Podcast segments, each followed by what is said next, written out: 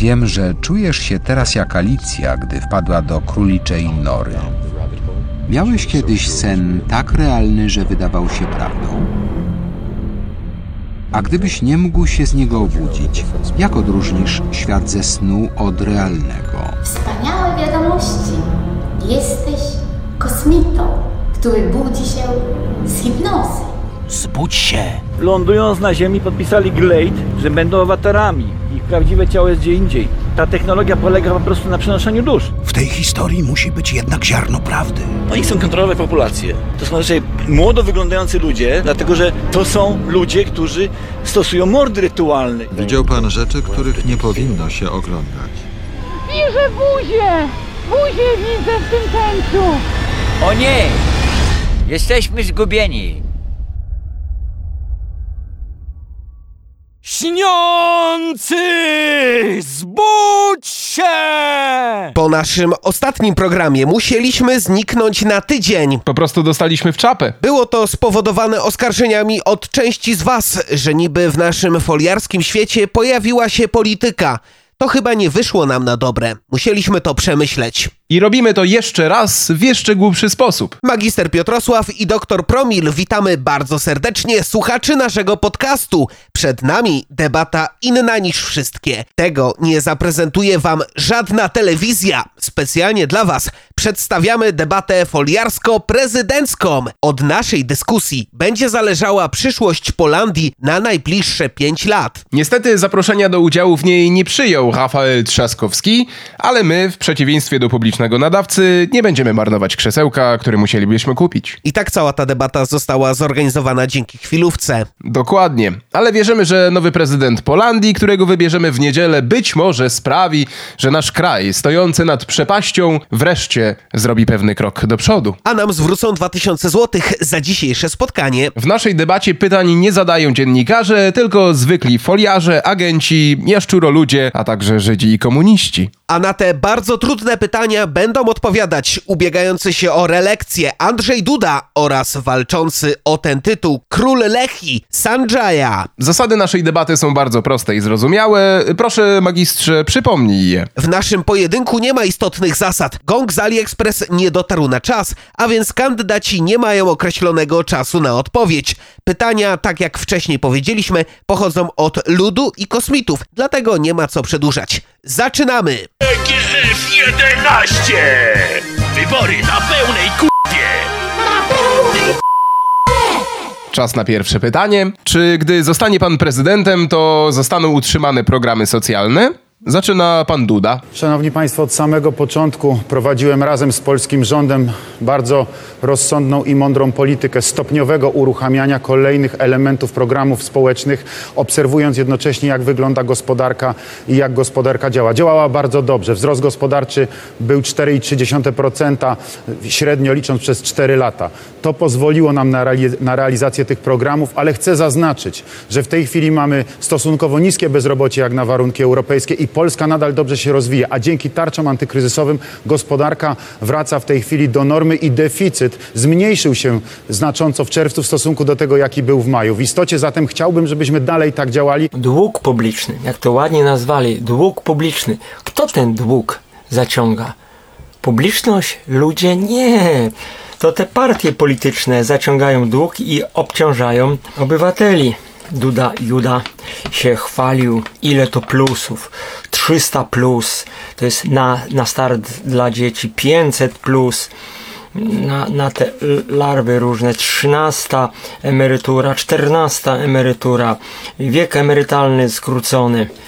Jak była susza, to mówił, że będzie dawać y, susza plus, potem jak powódź, to powódź plus i cały czas kasa, kasa, kasa.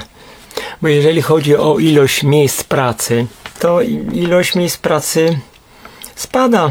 Coraz mniej jest pracy, zwłaszcza tych y, firm takich polskich. Rozrastają się y, wielkie korporacje, czyli obcy kapitał. Cały czas tu jest właśnie ta walka, żeby Polaków, rodowitych Polaków z tej ziemi wyganiać i ubezwłasnowolniać, żeby nie mieli władzy nad swoim życiem. A takie wybory to, to są wybory na okupantów. Dziękujemy za wszystkie odpowiedzi. Czas na pytanie numer dwa. Co sądzą panowie o nowych technologiach? Zaczyna król Lechi. Ja zadam bardzo takie jedno praktyczne pytanie. Jaki pożytek jest z tych lotów w kosmos, w tak zwanych? Oni sobie coś tam badają, ale nie powiedzą nam, co badają. Nigdzie tam daleko nie latają, bo to jest wszystko, tam jest kopuła, to jest zamknięte. Wszystkie te tak zwane planety, które oni pokazują, to jest wszystko grafika komputerowa, to jest wszystko Hollywood, czyli takie bajki dla niegrzecznych, naiwnych dzieci. Kiedyś słuchałem radio okupacyjne, radio Maria. I tam był jakiś taki oszust naukowiec, bo to w większości to są oszuści. I on opowiadał o badaniu kosmosu. I tam ktoś zadzwonił i zadał mądre pytanie. Jaki praktyczny pożytek jest tych ich lotów?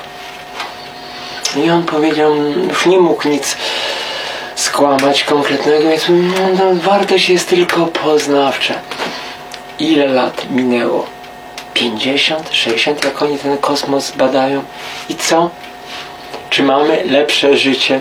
Właściwie mamy całe życie zatruwane. Korporacje się coraz bardziej rozwijają i coraz większą mają kasę na naiwnych, zmanipulowanych ludziach. Kiedy jeszcze byłem posłem opozycji, niezwykle ceniłem sobie to, że mogłem zacząć korzystanie z wtedy relatywnie nowego sposobu komunikowania się, jakim był Twitter. To był 2010-2011 rok.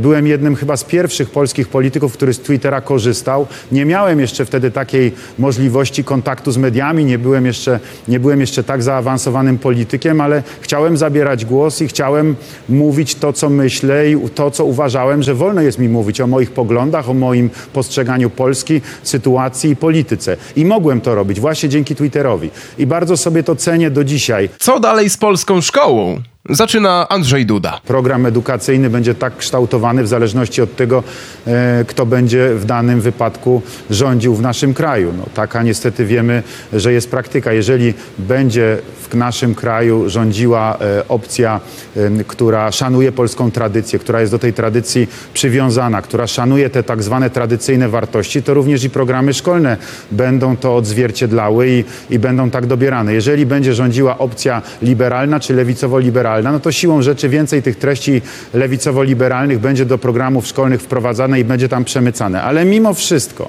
niezależnie od tego, kto będzie rządził w danym momencie, bo mamy demokrację i władza na pewno na przestrzeni lat w Polsce będzie się zmieniała. Przynajmniej mam taką nadzieję, że procesy demokratyczne w Polsce będą się pogłębiały i że ta demokracja w Polsce będzie coraz dojrzalsza i coraz lepiej funkcjonująca. Ale niezależnie od wszystkiego jest konstytucja, która mówi, że w artykule 48 e, ustęp 1, że rodzice mają prawo do wychowania dzieci zgodnie z własnymi przekonaniami. Ściemniają tak, że jak skończy ktoś jakąś lepszą budę, to będzie mieć kasę.